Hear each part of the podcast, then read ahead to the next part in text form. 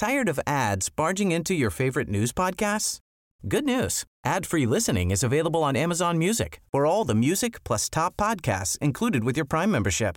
Stay up to date on everything newsworthy by downloading the Amazon Music app for free or go to amazon.com slash news ad free. That's amazon.com slash news ad free to catch up on the latest episodes without the ads. Say hello to a new era of mental health care. Cerebral is here to help you achieve your mental wellness goals with professional therapy and medication management support. 100% online.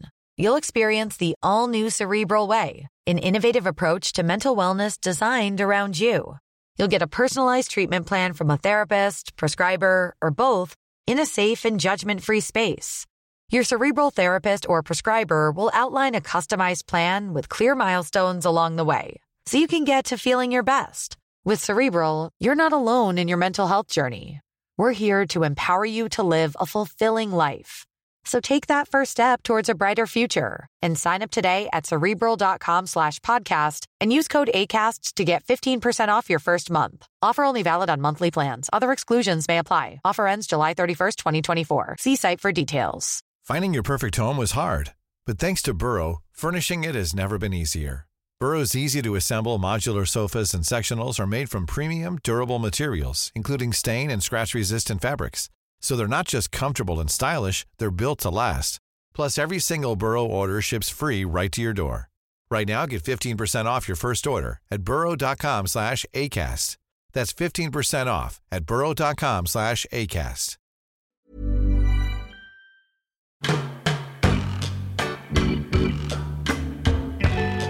Du är i Göteborg. Jag är i Göteborg på Hotell Eggers. Jag är ute på en liten turné. Vi återkommer till det.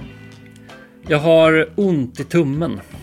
Jag har eventuellt brutit tummen. Jag var med om en freak accident i morse. Mm. Är vi överens om vad freak accident betyder? Eller behöver jag läsa upp Wikipedia-beskrivningen av vad en freak accident är? Men det jag reagerar på är att jag misstänker att alla accidents är freakish på något sätt. Men jag vill gärna höra vad som gör det till just en freak accident. An incident, especially one that is harmful, occurring under highly unusual and unlikely circumstances. Alltså något eh, bisarrt som händer. Alltså till exempel att man eh, går eh, med en penna i handen, snubblar och får pennan i ögat. Till exempel. Så freaket i fråga är en själv och en snubbelförmåga. Finns det alltid ett freak eller är det att helheten är freak? Ja, det är själva händelseförloppet som är Ja. freakish. Okej. Du vet det där hålet i handfatet i badrummet? Alltså inte avloppshålet där vattnet åker ner. Utan hålet eh, Under under kranen. kranen. Ja. En avlång skåra i porslinet som ska motverka vakuum i Ja. handfatet. Många tror ju att den där skåran är alltså, som en översvämningssäkring. Mm. Att vatten ska rinna ut där, vilket det väl i praktiken kanske fungerar som Mm. också. Men framför allt så är det väl då för att det inte ska uppstå vakuum. Ja. När det blir stopp i handfatet och man kör med en sån där sugkoppsgrej, vet du vad jag menar? Mm. Ja men en vaskrensare, då måste man ju tejpa för det där hålet. För då behöver man vakuumet. Mm. Har du gjort det här någon gång? Eh, nej, det har jag inte. Men det är ju den symbolen för rörmokeri du pratar om. Ja. Mm. Jag eh, hade inte stopp i handfatet. Jag var bara uppe lite eh, nyvaken Mm. och gjorde min morgontoalett. Och eh, så tvättade jag händerna i handfatet. Mm. Man tar ju tvål i händerna och så gnider man händerna mot varandra. Och sen håller man dem under vattnet och gnider dem mot varandra. Det här är som corona när folk skulle upplysa mänskligheten om hur man tvättar händerna. Det som utspelar sig just nu. Jag liksom gnider händerna mot varandra under kranen för att skölja bort tvålen. Mm. Och när jag gör det så fastnar jag med tummen i det här märkliga hålet under kranen. Alltså det går snabbt. Jag råkar köra in tummen i hålet. Det brinner ju till i tummen så jag får liksom panik och drar till. Och bryter tummen uppåt, uppåt som i en flasköppnare. Så att den knäcks liksom bakåt i det här märkliga hålet i handfatet. Och nu har jag väldigt ont i tummen, den är möjligen bruten. Eh, Det här är ju låter ju lite också som eh, när en alien ska låtsas vara människa och inte vet hur man ska handskas med enkla saker. Som ett handfat. Jag åkte ju bil då från Vänersborg i morse till, för det, här hände då i Vänersborg, på Strand hotell. Och sen åkte jag bil i morse och så hade jag sällskap i bilen av författaren Amanda Svensson. Ja, ah, trevligt. Ja, oerhört trevligt. Hon undrade varför jag satt och blåste på min egen tumme när jag körde bil. Och då berättade jag om den här freak accidenten. Hon hade inte heller något förslag på vad det ska kallas på svenska, men då berättade hon om en kompis som halkade när hon spelade kubb. Ja. När hon kastade kubben. Föll bakåt och bröt nacken. Det är ju typisk freak accident. Men gud, något så harmlöst och folkhemsljuvligt som kubb. Ja, kubb på gräsmatta är ju ett tryggt rum. Mm. Och det är väl det som är väldigt typiskt för en freak accident, att det händer i ett, ett tryck, en trygg inramning. Mm. Kommer mörkret. Och det är det som är så obehagligt med freak accidents, att de påminner ju om hur nära avgrunden vi hela tiden befinner oss. Men jag tänker att det borde vara lätt att mynta ett nytt begrepp för det här och jag vill att vi tar det ansvaret. Mm. När jag tänker på freak accident, då ingår alltid att jag skadar en annan person. Eh, Och ett sånt fall är, jag har fruktansvärt tjocka tånaglar. Alltså det behövs rejäl nagelsax för dem. Du ser ju, det är ju bi- biotin finns i den här kroppen. Naglar växer, hår växer. Eh, Så, Så du är som en sorts, en Wolverine fast med fötterna. vet du varför jag skrattade nu? För du uttalade Wolverine, som alltså är Marvel-karaktären spelad av Hugh Jackman. Du uttalade det som den här Instagram-feministen som upplyser folk om vulvan. Wolverine. Okej, Var det med flit du gjorde det? jag trodde du uttalade så. Wolverine. Wolverine är en vulva... Wo- Wolverine. Hon står upp för vulvan. Du har aldrig hört om henne. Det har jag inte, det var inte henne jag syftade på. Du har gått runt i så många år omedvetet snackat om Wolverine. Alltså kvinnan som pratar om vulvan, det kvinnliga skötet. När du ville snacka om Hugh Jackman, det är kul. Ett. Två, jag är en som en, en Wolverine, det stämmer. Och eh, jag hade överslafen då i våningssängen med min lilla syster Ida undertill. Och eh, när jag då en morgon klev ner från överslafen, då lyckades jag med det tajma exakt när hon klev upp och alltså inte såg min fot komma krypande från överslafen. Så kommer den här Wolverine-tassen, långa, långa, tjocka, tjocka tånageln och river ett så djupt och vidrigt sår mitt i hennes panna ner till näsroten. Så långt hinner den riva av all liksom, talg och hud och allt möjligt innan hon hinner undan. Så hon hade ett, ett så tjockt och äckligt eh, sårskorpa mitt i pannan i flera månader efter det. Det är ju lite av en freak accident. 100% freak accident. Det är en vulva accident. Ja, Jag vill ett nytt ord.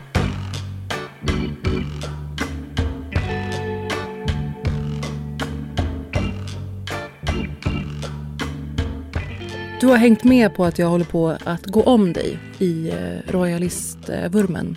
Och när du säger royalistvurmen då syftar du på att jag för några veckor sedan kom på att jag har en åsikt om kungahuset. Du kom ut som royalist för några veckor sedan. Gjorde jag verkligen det?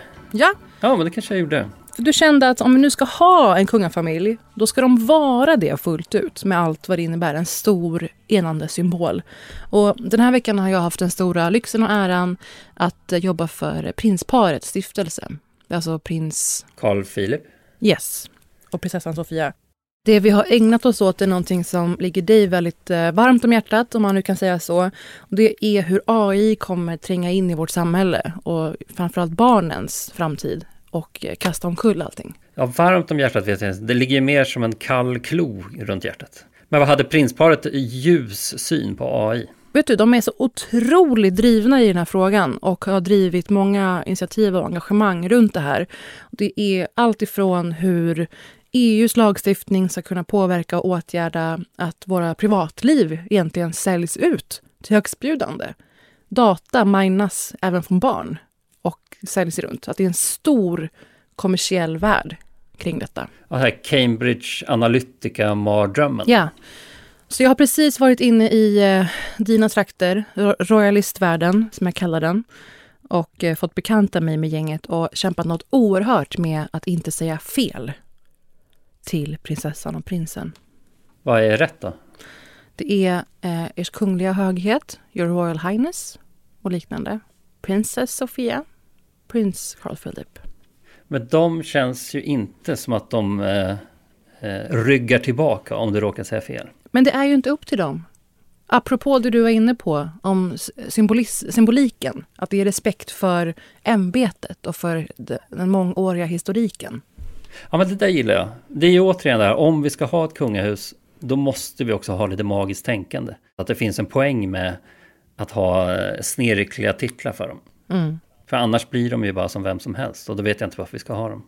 Och jag var tagen också av deras eh, självdistans. Det går ju inte att leva i det där utan att ha distans till det. Det är en mörk tanke om man inte skulle ha det. Alltså de ler själva åt sin egen existens. Nej men jag hade, som igår, det var en rad opassande skämt. Det skrattades. Det, det tycker jag var något härligt. Och inte bara med att hela mitt liv går ut på att de ska njuta av vad jag säger. Utan Lite va? Jag tyckte det tydde, det tydde på någonting. Och eh, igår då eh, så hade vi någon slags konferensmiddag på Operan mittemot slottet. Det är bara vatten däremellan. Det är kanalen. Det är ju något av det vackraste vi har tycker jag i Stockholm, den biten. Men vårt slott är väl inte så vackert? Va? Det har ju inte tinnar och torn. Det är mer bara som en stor klump. Det pekade jag finger åt dig. Pekar du finger åt mig? Ja, för att nu, i detta nu, när du sitter i Göteborg och jag sitter här så kommer jag raka vägen från slottet. Där har jag varit hela morgonen nu, på det avslutande med den här konferensen. Men igår kväll då, när jag stod där, eh, prins Carl Philip eh, på vänster sida, kollade ut genom det här stora fönstret, slottet på andra sidan. Så sa jag till honom, att, jag frågade om det var han som hade valt, eller har prinsen valt, måste man ju säga, att vi skulle äta just här. Så du alltid kan ha uppsikt över slottet menar jag. Och han, prinsen, så det var nära det att säga fel, tog det alltså så snabbt. Att det var betryggande och att det känns så nära, men så långt borta. Och det var ju hans sätt också att eh, reflektera det här som hände i fjol. Att eh, kungen gick ut och kommenterade att han inte blev kronprins. Minns du det? Nej, jag så bra koll har inte jag på kungahuset. Du minns inte det? Nej, det blev en ganska stor grej av det. För kronprinsessan, det var ju en del av att successionsordningen ändrades 70-talet. Men då var ju prinsen redan född. Så han föddes kronprins och så ändrades det under hans livstid. Jaha, så han har varit tronarvinge, Mm. men det rycktes ifrån honom Mm. av feminismen. Och det, var det ska vi komma in på idag. Exakt, bra övergång. För så är det nämligen. att eh, Jag var på det här absolut igår och har jobbat med det. Eh, och är väldigt eh, stolt över det här initiativet. Det heter Control Rights. kan man kolla upp. De samverkar med alla de här Microsoft och Google och håller koll på deras både AI och eh, dataverksamheter, vilket ju är omfattande. Eh, men det här för oss till det som har fyllt mina tankar kanske mer den här veckan. Så här kan man läsa på SVT. Ungdomsbarometern slår fast i sin senaste rapport att eh, antalet personer mellan 15 och 24, där minskar antalet personer som kallar sig antirasist, feminist och miljövän. Och intresset för politik minskar från 50 till 38 procent. Så ungas intresse för samhället, politik, demokrati minskar kraftigt. Alla de här sakerna, feminism, antirasism och miljö, var ju en gång i tiden, alltså när jag gick i skolan, då var ju det en motrörelse till vuxenvärlden. Alltså då var det ju mer eller mindre punk Mm. att stå bakom de här frågorna. Nu är ju det något som vi matar barnen med. Jag ser att mina egna barn matas med, med frågor om antirasism och, och miljö i skolan. Och då blir ju det vuxenvärldens hållning och det tillhör ju ungdomen att befinna sig i opposition med vuxenvärlden. Så det blir väl egentligen bara helt naturligt att ungdomarna vänder sig emot det när det är det som vuxenvärlden berättar är rätt. Mm. När, det, när, det blir, eh, när det blir vad du menar på är konsensus, hur du tolkar det, i alla fall från skolvärlden, vilket ju tyvärr inte är det enda som skapar intryck i unga människors liv, men från skolvärlden att det basuneras ut som ett faktum och ett måste, att då blir det mindre av motkultur. Det finns mindre av så här, vi unga måste stå för någonting, snarare än att det här är någonting som vuxna vill att vi bryr oss om. Det är din tolkning. Ja, men då är det speciellt, för det här krånglas ju ut från höger och vänster, att eh, feminismen, antirasismen har misslyckats. Är det nödvändigtvis samma grej, tänker du? Nej, jag tycker att det är en felaktig tolkning. Att feminismen och antirasismen och miljöfrågorna tappar i betydelse hos ungdomarna betyder ju att de frågorna har blivit mainstream. Och det var väl hela målet med den kampen. Alltså, ja, exakt. Ja. Det finns ingen annan utgång av den här utvecklingen än att ungdomarna kommer att vända sig emot det eftersom de på något sätt måste befinna sig i opposition med vuxenvärlden. Det är det som du, det är pendeln, den berömda pendeln. Om man vill göra en riktigt ljus tolkning av det så är det ju ett tecken på att de här frågorna verkligen har slagit igenom och blivit mainstream. Att vi således har lyckats. Det var det absolut ljusaste du sagt. Ja, det kan det ha varit. Mm. Eh, det är spännande. Det finns många saker här jag, jag funderar på. Eh, jag tycker inte att man kategoriskt ska slå fast då att också de som representerar feminism och antirasism, eventuellt jag, har misslyckats. Eller att strategin har varit felaktig. Utan jag tror att, som du säger, att det är olika saker. Det ena är att det kanske inte längre känns nödvändigt. Det andra är lite mörkare. Att det inte längre känns eh, överkomligt. Att vi har slagit i ett slags glastak för rättvisefrågor. Att den här mängden sexism och rasism eh, kommer vi inte ifrån, typ. Ja, nej, jag tror inte riktigt på den tolkningen.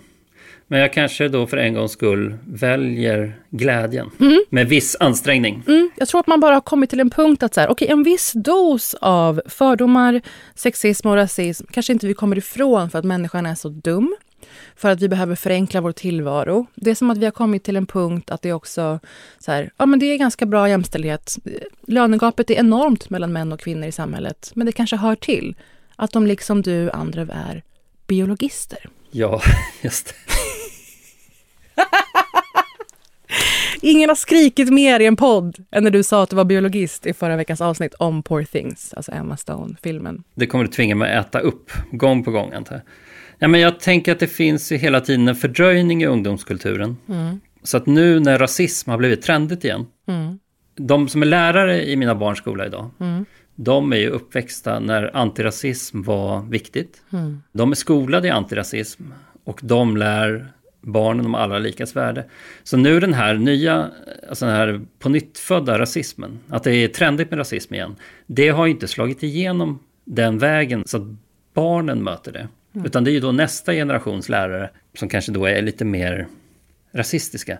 Ja. Då kommer då en fördröjd motreaktion mot det. Men den reaktionen kommer vi inte se förrän 2030, 2035 kanske. Men det är intressant. Det är, ett, det är en väldigt specifik, icke-representativ grupp i samhället ju, lärarna. De är, har en enormt lång utbildning och det gör man bara om man är väldigt motiverad och bryr sig om vissa grundläggande värderingar. Och kollar man sen på politiken kollar man sen på några av våra största partier, hur de pratar om både män och kvinnor, så ser man att intrycken därifrån, det motsäger ganska kraftigt det de får höra i skolan. Kollar vi på förebilder online så motsäger det nog också ganska kraftigt vad akademin säger. Jo, men läraren i skolan kommer alltid att vara den primära bilden av vuxenvärlden och den bild man ska göra motstånd mot. Barn sitter ju inte och tittar på partiledardebatter.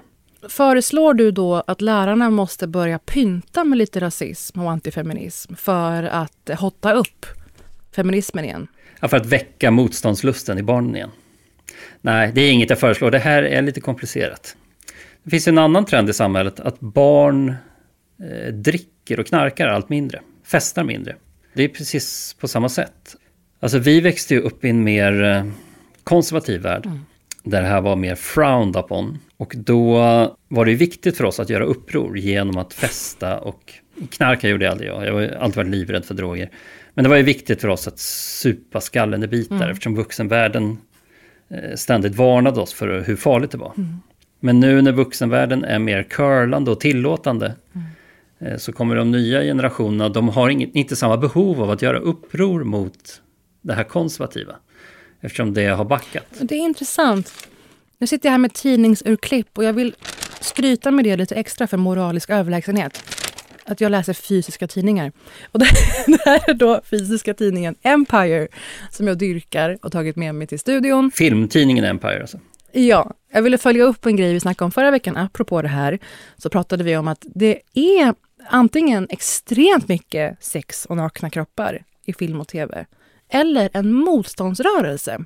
På tal om det du är inne på, att det är olika grupper, grupper och strömningar i samhället. Och då pratade vi om Emma Stone, hur hon ligger sig genom eh, Portugal i nya filmen Poor Things. Så kom det ett begrepp om det här i Empire som lyder så här. De kallas för Puriteens. Ja, men det är väl deras, alltså den generationens enda sätt att göra motstånd. Det är alltså puritan-teens enkelt sagt. Det är väl den nya punken då? Mm. Att vara avhållsam. Anti-sex movie watchers have been dubbed puriteens. Ett otroligt begrepp tycker jag. Är jag en puritin? Jag vet inte, jag är väl det. Jag hatar ju sex på film. Och här står det också att um, en former porn addict har kommit på en strategi att um, han stänger ögonen under explicita ögonblick i film och tv för att inte bli triggad.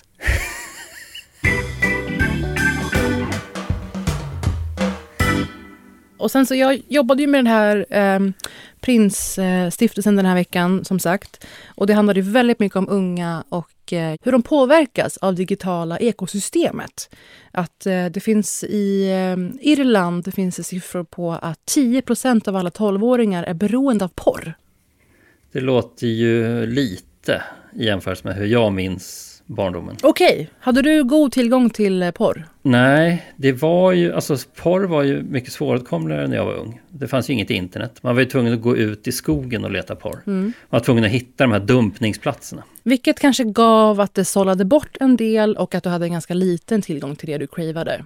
Ja, men det blev ju då andra sidan oerhört spännande att hitta på. Det var ju som att hitta skatter i skogen. Men hellre det kanske, för då trubbas man aldrig och blir rent av porr porrberoende eller porrskadad? Eh, det kan jag inte svara på. Vi kanske ska lägga ut QR-koder på papper i skogarna till porrklipp. Bara för att få ut barnen i naturen.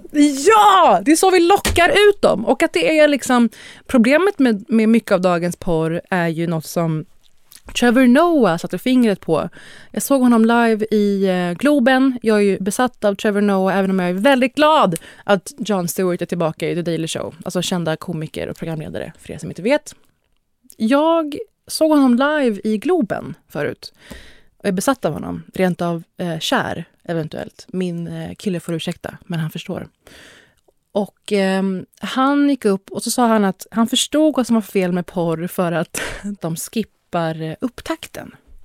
Att det bara pang på, att det är olika genitalier, de är nakna och det liksom är eh, kroppsdelar in i andra kroppsdelar på olika groteska sätt. Att man missar den här liksom, relationsbiten som han tycker var bärande i den videoporr han lyckades få tag på som tonåring. Ja, det här att det kommer en rörmokare. ja, det var en side-note om porr. Men det jag har lärt mig också om ungdomar, det befästs av en intervju med Sara Larsson i Svenska Dagbladet. Sara Larsson, artisten, eh, man kan ju säga att när hon blev som kändast där som ung, som tonåring, så blev hon också en feministprofil. Det minns du? Ja. Döm om min förvåning. Ett till tecken i denna riktning är att hon för SvD säger man ska vara radikal när man är ung, söka vem man är och vad man tror på. För min del blev det mycket feminism och citat, jag hatar alla män. Jag var 15 år och skrev bara vad jag tänkte och jag råkade bli den unga personen som fick representera den rörelsen. Lite av en tillbakagång är ju det hon beskriver. Ja, det är väl nästan en avbön av något slag. När man sen växer upp ser man att världen inte är så svartvit. Jag har fått mer förståelse utan att jag övergett min moral på något sätt. Vi får se vad hon tar vägen. Då. Otroligt intressant. Alt-right, Sara. Ett Sara Larsson-index helt enkelt. Att det följer på något sätt var ungdomar befinner sig, var hon befinner sig i den utvecklingen. Och du är inne på att det kanske blir alt-right Sara till slut. Men det finns ju fler saker som eh, bottnar i det här med att färre vill kalla sig feminist och antirasist. En sak är ju som Aftonbladet skriver, att de kanske bryr sig mindre om vaga framtidsfrågor och långsiktiga ideal för kriserna här och nu. Du menar att kriserna är så närvarande att de inte bryr sig riktigt om framtiden? Aftonbladet skriver det finns inte en enda reform som unga har sett vuxensamhället och politikerna lösa under deras unga vuxna levnadsår. Pandemin, det var något vi överlevde mer eller mindre. Det är gängskjutningar, det är Gaza, det är ekonomin, det finns inga boenden, klimatkrisen på sina axlar.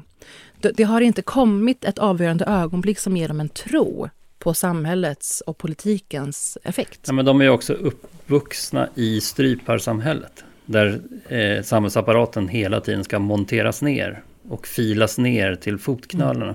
Ja, det finns ju något väldigt uppgivet i det. Så jag förstår ju om de mm. känner att under deras uppväxt så har det ju varit som att politiker inte vill ha ett samhälle. Men då är det ett mönster, ja. Att när samhället drar ner på sin, sitt stöd och sin aktivitet i samhället, då gör de också sig själva överflödiga. De gör sig själva eh, till någonting man kan sparka och göra sig av med. Det är som att göra sig ersättbar på ett jobb. Då kan man ju bli, bli sparkad för någon annan. Ja, men det är väl också det här som alltså forskningen kring den politiska utvecklingen pekar på. Alltså att den här nationalistiska vågen vi har sett är ju en effekt mm. av att väljarna upplever att politikerna inte längre har makt över de socioekonomiska frågorna. Mm. Det finns ju idag en utbredd känsla av att, den känner jag också, att, att politikerna har inget omedelbart inflytande över hur pengar ska fördelas i samhället. Och då blir ju alltså den här socioekonomiska dimensionen i politiken ointressant eftersom väljarna ändå inte tror på att politikerna styr över den dimensionen. Mm. Och då rör man sig mot den sociokulturella dimensionen istället. Där man tror att politikerna fortfarande har makten att, att påverka någonting. Det här har ju liksom, är ju förklaringsmodellen på en vetenskaplig nivå till varför vi har fått den här stora mm. nationalistiska vågen som vi har sett de senaste tio åren. Mm. Jag tänker också på att kanske identiteten känns svår att bära. Jag tänkte på det förra veckan. Vi pratade om din bok och eh, jag framhöll den som feministisk apropå Poor Things och Emma Stone. Och du sa att den kan nog inte... Du upplever inte att den är feministisk. Nej, alltså kvinnorna är ju lika odugliga som männen i den här historien. Det är bara att de är odugliga på ett annat sätt. Så vad är det folk är mer bekväma med att kalla sig då? Vilka identiteter vill de ha istället? Har du några tankar där? Eh, friluftsmänniska. Till exempel. Jag funderade på det, eh, gick genom stan och så såg jag två skyltar på stan. En var på ett fik, gallerian, där det stod Say no to gluten. Glutenfri vill de vara. Ja, det var som en, en eh, aktivistisk version av glutenintolerans. Mm. Ja. Glutenintolerans som superkraft. Exakt, de vill vara glutenfria. Jag gick på, så kollade jag in i ett kontor och där på väggen var en annan neonskylt. Agile. Ja, fy. Fick ont i magen av det här. Vet du vad det är? Eh, ja, det är liksom ett ord jag har hört i samband med att, eh, att min arbetsplats skulle effektiviseras en gång i tiden. ja, det är ett slags begrepp för eh, att vara ombytlig eller föränderlig. Agile. Eh, agilitet. Och eh, vad tror de på då? Vad är det de dyrkar då? De dyrkar det glutenfria, att vara glutenfri och de är karriärister. De dyrkar ja. karriären. Det är vad det säger oss. Otrygga anställningar som mm. superkraft. Ja, så man har bytt ut att vara antirasist och feminist mot att vara glutenfri karriärist. Och det här eh, plockas också upp i den här rapporten av Ungdomsbarometern. Att unga bryr sig allt mer om privatekonomi. De handlar med aktier, vill ha dyra klockor och välbetalda jobb. Gymnasiekillar kallar sig aktienördar. De vill vara aktienördar. Och, och det här har jag ingen ljustake på, det är bara mörker. Så tänk på det att den generation ni fostrar nu är ett gäng glutenfria karriärister.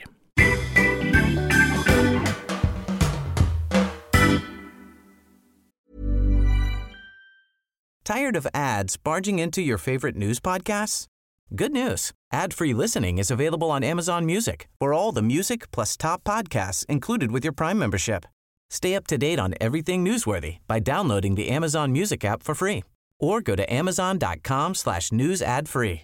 That's amazon.com slash news ad free to catch up on the latest episodes without the ads. Wow. Nice. Yeah. What you're hearing are the sounds of people everywhere putting on Bombas socks, underwear, and t-shirts made from absurdly soft materials that feel like plush clouds. Yeah, that plush. And the best part, for every item you purchase, Bombas donates another to someone facing homelessness. Bombas, big comfort for everyone. Go to bombas.com slash ACAST and use code ACAST for 20% off your first purchase. That's bombas.com slash ACAST, code ACAST. Finding your perfect home was hard, but thanks to Burrow, furnishing it has never been easier. Burrow's easy to assemble modular sofas and sectionals are made from premium, durable materials, including stain and scratch resistant fabrics. So they're not just comfortable and stylish, they're built to last. Plus, every single Burrow order ships free right to your door. Right now, get 15% off your first order at burrow.com slash ACAST.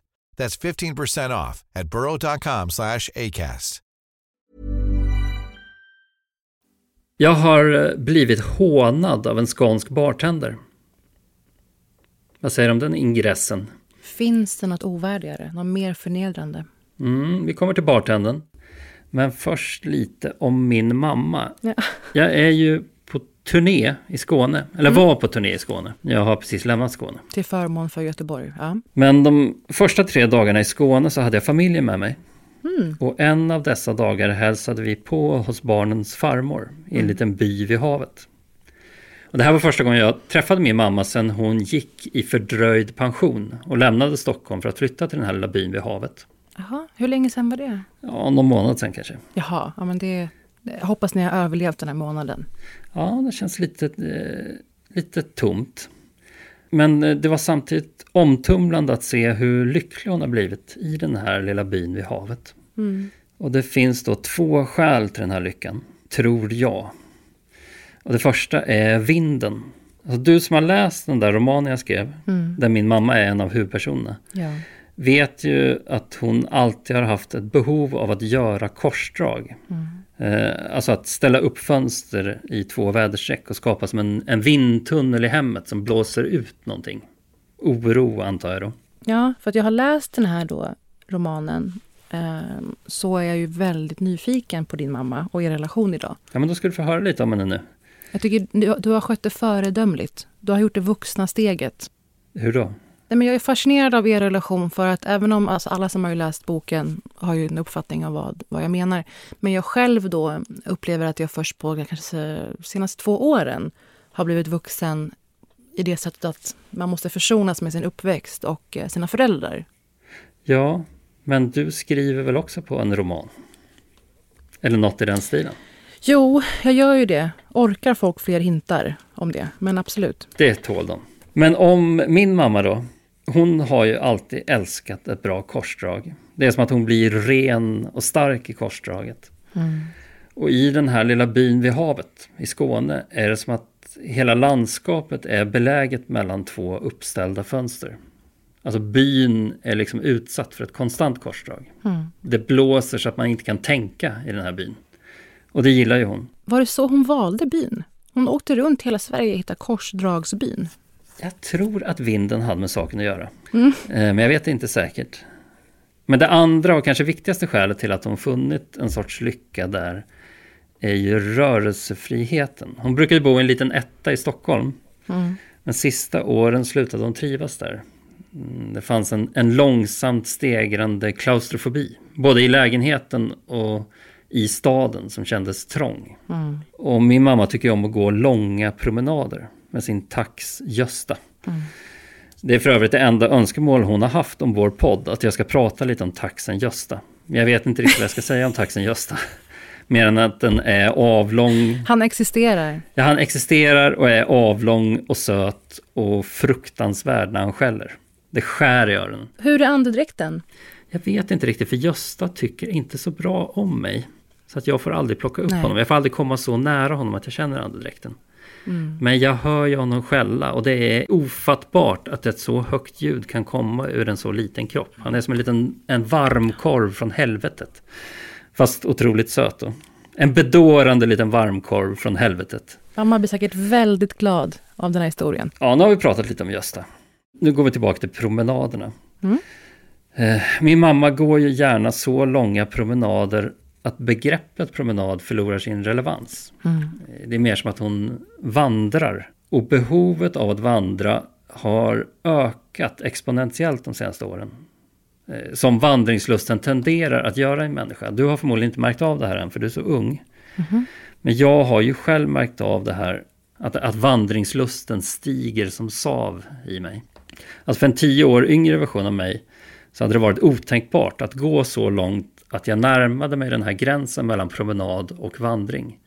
Men nu vill kroppen vandra. Vilket är lite krångligt för mig. För det här behovet skär sig med mina barns oerhörda ointresse för att vistas utomhus. Det är nästan svaret på frågan om vad mina, mina barn tycker om att göra. De tycker om att inte vara ute. Precis som jag gjorde när jag var ung. De har inte hört om QR-koderna i skogen ännu. Förlåt eventuellt opassande. Eh, nej, men de börjar nog närma sig den ålder där de är mottagliga för Ja. QR-koder i skogen. Men Ja. Nej, inte riktigt än. Men min mamma har ju då inga barn som hatar att vara utomhus. Hon har ju bara taxen Gösta. Och han vill ju inget hellre än att vara utomhus. Så de två delar ju det här intresset. Och de går i timmar ut med havet. Och det gör dem lyckliga. Att vandra i vinden, kvinna och tax. Och det var väldigt... Eh, jag märkte hur, hur den här nyfunna lyckan fick henne att, att stråla. Det var väldigt rörande. Eh, och det gör också att jag, jag kan förlåta henne för att hon har lämnat min stad och flyttat så långt bort. Vi får hälsa på henne ofta. Hon måste få bo på en plats där hon kan gå långa promenader ut med havet. Där det blåser så att alla tankar bara blåser ur huvudet. Men jag sa ju att jag har blivit hånad av en skånsk bartender. Det var ju dit jag ville komma. Eh, Vi lämnade av barnen hos farmor och begav oss till Helsingborg. Där vi mötte upp min syster. Hon är väldigt rolig. Eh, och vi tog en drink i hotellobbyn i Helsingborg. Och eftersom hon är en ovanligt rolig människa är det svårt att slita sig från hennes sällskap när man väl hamnar i det. Så att den här drinken blev då två drinkar och tre. Och med tre drinkar i kroppen så var jag och sambon så mjuka i tanken att vi tackade ja när, när min syster föreslog att vi skulle gå till en klubb i närheten. Där de har en, enligt min syster, ovanligt god drink. Ja. Helsingborg är ju, jag tror att det är Sveriges mest bartäta stad. Ja, men det kan jag tänka mig. Det är helt oväntat då att de fyller ju ofta kvoten i eh, Paradise Hotel-deltagare. De har väldigt många deltagare. Det förvånar mig inte heller efter att ha sett klientelet på den klubb vi hamnade på. Vi kommer dit. Ja, okej. Ja, vi går då till den här klubben. Musiken hörs på avstånd. Alltså det är en riktig klubb. Det är inträde, det är garderob. Vi hänger av oss våra vinterjackor i garderoben. Får stämplar på handleden. Det har jag nog inte fått de senaste 20 åren tror jag. Eh, jag. Jag kan inte ens minnas när jag hade en stämpel på handleden senast. Men när vi då har hängt av oss jackorna i garderoben så går vi till baren för att beställa den här drinken som min syster har rekommenderat. Och bartendern synar mig och min sambo och säger eh, förlåt men ni måste hänga av er i garderoben. Ja. Eh, Det har vi gjort, säger jag. Och då ser han väldigt förbryllad ut. Och det går då upp för mig. När jag ser mig om i lokalen, där alla är klädda i hudnära t-shirts och toppar och uppknäppta skjortor med uppkavlade ärmar. Där alla är, är klädda för parning. Jag är då i Paradise Hotel-land. Och när jag ser mig om så går det upp för mig att jag och min sambo Två Södermalmsmänniskor i främmande småstadsvatten, klädda i våra svarta och bylsiga Our Legacy-sjok till kläder. Eh, visar så lite hud att han tror att vi inte har hängt av oss våra ytterkläder. Förlåt, säger bartendern och rodnar när han inser det här. Och det finns möjligen något här om kulturkrocken mellan den asexuella storstaden och den livsbejakande småstaden. Jag var ju inte i Helsingborg för att para mig. Och det kanske då är talande för var jag befinner mig i livet. Jag var ju mer tagen av mängden tegelbyggnader i Helsingborg. Jag gick runt och fotade tegelbyggnader. Det är väl raka motsatsen till eh, att vara i Helsingborg för att para sig. Ja, det är det.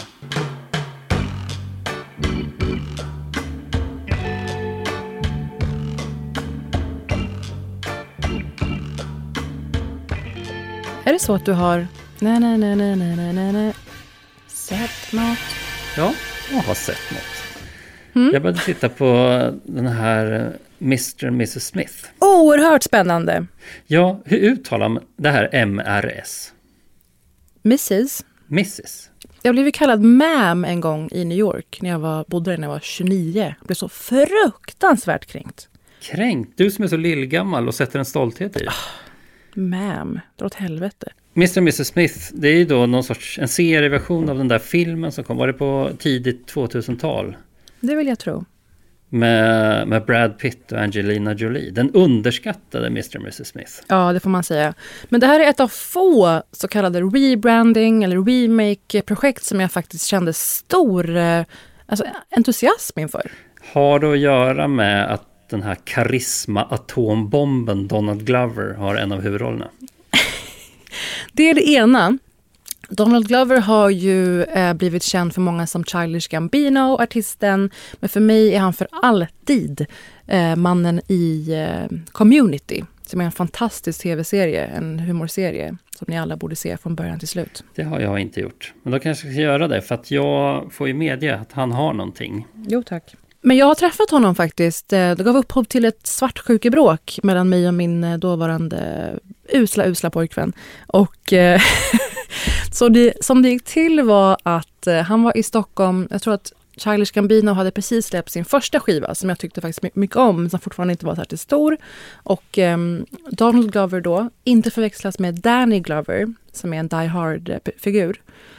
Donald var på stan med Ludvig Göransson, numera en av Sveriges mest prisbelönta kompositörer och um, stor i Hollywood kan man säga. Just det, han fick väl sitt stora genombrott med filmmusiken till The Mandalorian.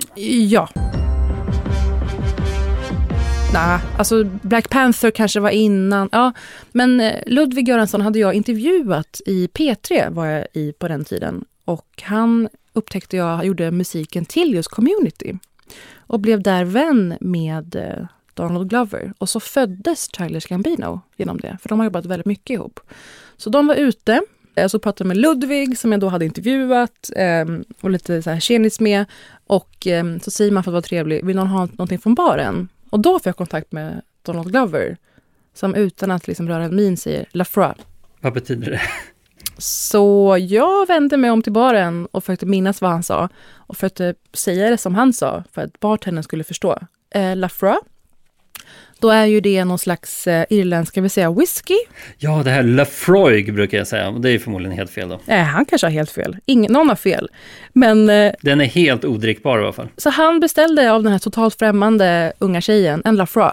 Jag tycker, det var något lite otrevligt i det som jag noterade och försökte vifta undan. Att eh, jag var med om den liksom, personen. Men sen stod vi där, ett litet gäng i ett kluster och hade trevligt. Men han, var, han är ju, det är någonting som inte klickar socialt. Men det kräver jag inte av alla jag beundrar eh, konstnärligt. Ser man ut som han gör, då kanske man inte behöver den sociala Jag tycker han är snygg. Det får man väl ändå säga att han är va? För det tyckte ju inte jag. Men det här upplevdes ändå för min då usla, usla pojkvän som ung person som att det var något sånt som pågick.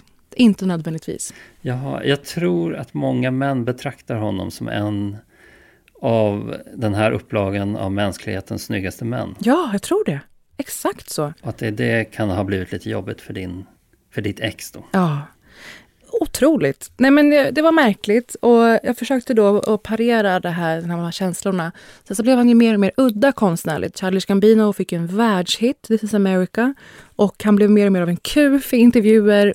Jag välkomnar det så länge det inte slutar i eh, någon slags, eh, vad hette han, Transformers-pojken? Shia LaBeouf ja. Mm, han tog ju kufigheten hela vägen kan man säga. Han blev väl ett freak. och Eh, Donald Glover då gjorde ju Atlanta som ju är ett av de mest lysande tv-verken någonsin. Jag vet inte om du har sett det? Ja. Atlanta som man kan se. Eh, nu finns det fyra säsonger ute. Också väldigt, väldigt udda och väldigt, väldigt roligt. Så när jag läste om att han skulle göra Mr och Mrs Smith, då fick jag ändå en stark känsla inför projektet. Men då var det sagt att han skulle göra det med en annan samtida idol för mig nämligen Fleabags skapare Phoebe Waller-Bridge. Jaha, är hon inblandad i det här? Hon var. Hon var? Hon hoppat av på vägen? Eller? Det är inte ett gott tecken. Hon är en av världens mest älskvärda, begåvade personer som gjorde tv-serien Fleabag, vann en radda Emmys för det och sen bara levererar. Och var underbar i nya Indiana Jones-filmen. Underbar! Det kanske tål att understrykas att den filmen måste ses. Super! En av förra årets mest underskattade filmer. Disney plus, jag kollade upp det nu för en gångs skull. Mm. Eh, jo, hon skulle ha varit med så jag såg det som ett gott tecken och när jag sen läste att hon hoppade av på grund av differences with Donald Glover, då kände jag att den här förmodade kufigheten nog har fått löpa amok. Det är möjligt. Men det ger en fantastisk serie. Jag är ju jätteduktig på att skilja på verk och person.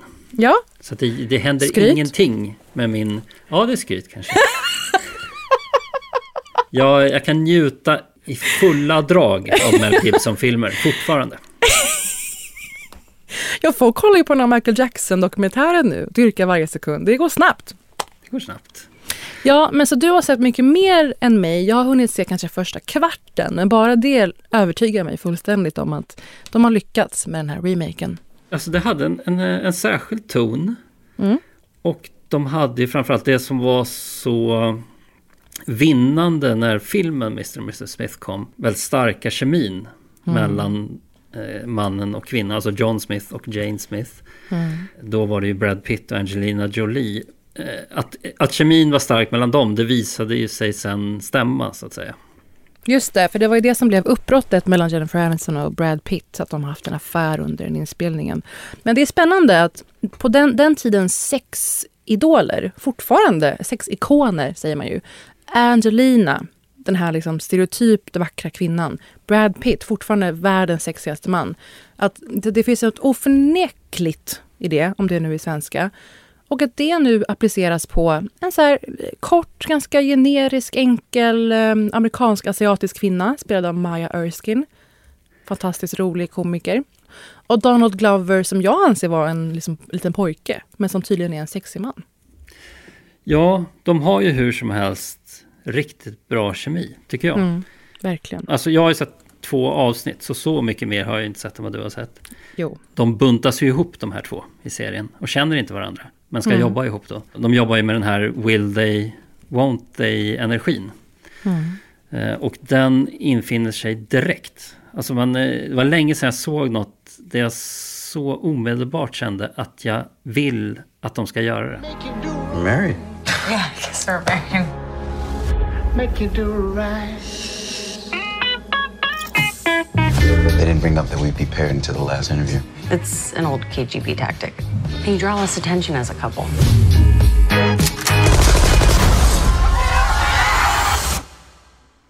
Alltså kemisk, då menar du sexuell kemi? Ja, jag vill att det ska hända mellan dem. Alltså det är lite avgörande om man nu ska bygga upp en historia runt will they, won't they energin. Att man tror på den kemin. Och eh, det har de gjort bra. Hon är ju supercharmig också. Ja. Sen kan jag säga att du då som bara har sett en kvart. Om du Ja. då unnar dig två avsnitt. Så kommer du också upptäcka att Paul Dano dyker upp. Från eh, There Will Be Blood var med va? Och psykfall i Batman också. Ja, ofta psykfall. Han har en riktigt bra psykfallsaura. Det han ser var som en spionversion av Love is blind. Ja, Här buntas de ihop, matchas via spionagentur. Och det kanske är mer effektfullt för att hitta sin bästa tänkbara partner. För den här agenturen ställer de frågor individuellt. Som typ, har du svårt att säga jag älskar dig till någon? Hur många människor har du dödat? Hur mycket pengar har du på banken? Och det är ju jättebra då för att kunna forma ett par som passar ihop, tänker jag. Att man matchar på de här eh, faktorerna. ja redan i avsnitt två så börjar ju Donna Glovers karaktär undra om den här agenturen vill att de inte bara ska vara ett arrangerat äktenskap för syns skull. För så skiljer det sig åt från filmen där det uppdagas att de har levt parallella liv och inte visste om det, om varandras spionyrke. Här vet vi det från början. Just det, men de har då å andra sidan inte gjort det från början. Nej, de har inte gjort det. Men man hoppas från första stund att de ska göra det. Men jag tänker att det är en bra sak att veta om någon man dejtar och bra att man är synkade där om den ena är för antisocial för CIA som det eh, lanseras om de två då, om Donald och Maya tidigt i eh, serien. Att om man är synkade där så är man nog synkade i övrigt. Ja, jag ser nu på datorn framför mig att den här serien har blott 6,8 på IMDB. Det var inte en 6,8-serie jag såg de två första avsnitten. Så det kan ju då antingen så beror det på att serien havererar med tiden. Eller så beror det på att serien har kulturkrig bombats med låga betyg eftersom det då skulle kunna uppfattas som en wokeifiering av Mr. och Mrs. Smith. Med en svart man och en asiatisk kvinna. Ja, att de råkar vara icke helt vita. Bara det är ju en provokation nu för tiden. Det är ju det. Mm. Men eh, jag tycker jag fäster mig inte för mycket vid IMDB ratings. Men jag ser verkligen fram emot att se klart Mr and Mrs Smith serieversionen. Men jag undrar också, det du upplever som sexuell kemi som funkar, är det mordisk kemi? Helt ärligt, när man ser filmen så hajar man ju till av att så här, fan det är ganska sexigt när de försöker döda varandra. Ja, nu var det länge sedan jag såg den här, men jag har för mig att de har gjort det på ett väldigt kul sätt. Att den här dödskampen på något sätt blir en komisk spegling av äktenskapet. Mm. Och jag, jag hajade till då att så här, hur fan lyckas man med den balansgången? Um, att den här dödskampen då, att försöka döda varandra på olika brutala sätt, att det föds en, eh, det genererar en sexuell kemi. Du är livrädd för att äntra det här samtalsämnet hör jag. Ja men, alltså jag vill ju att de ska ha sex. Jag vill bara inte se det. Eftersom jag inte tycker om sex men, på film. Skillnaden är att de är ju inte modiska gentemot varandra först och främst, som Brad Pitt och Angelina var. Utan de är modiska i största allmänhet. De jobbar med att döda folk. Ja, och de tycker det är lite kul att döda folk. Det tycker jag är roligt. Ja, ja, jag säger det. När till och med CIA tycker att du har för antisociala tendenser. Det är en grej jag vill veta om en dejt, men som de uppskattar hos en dejt.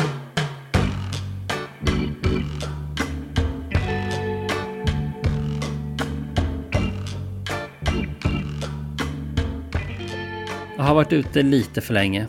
Jag skickade ju hem familjen i söndags och nu saknar jag mina barn så mycket mm. att jag inte kan njuta av att ha ett hotellrum för mig själv.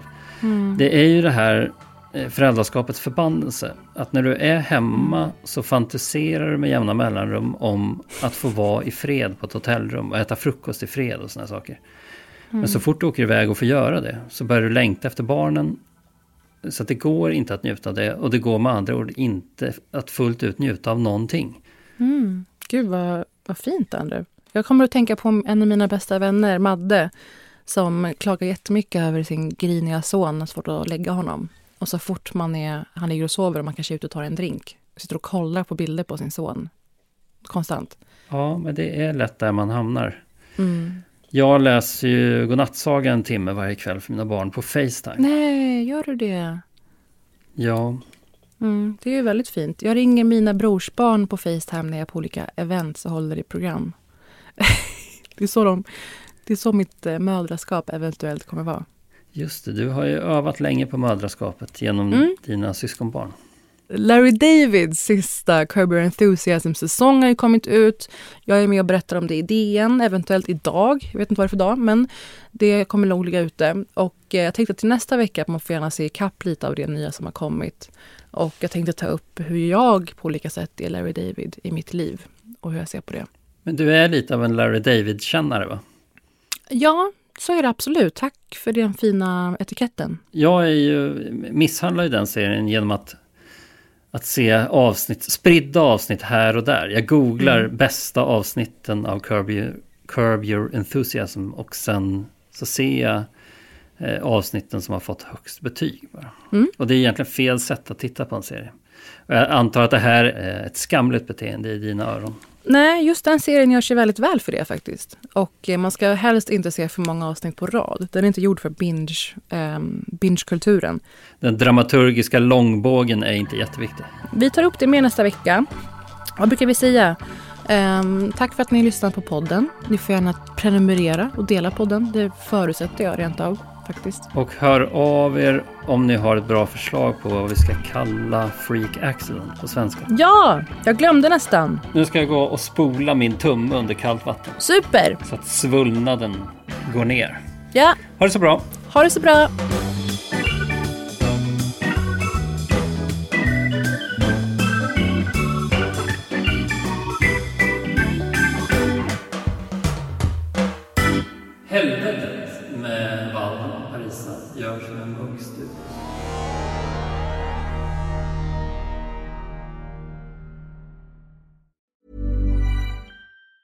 Tired of ads barging into your favorite news podcasts? Good news. Ad-free listening is available on Amazon Music for all the music plus top podcasts included with your Prime membership. Stay up to date on everything newsworthy by downloading the Amazon Music app for free or go to amazon.com slash news ad free. That's amazon.com slash news ad free to catch up on the latest episodes without the ads.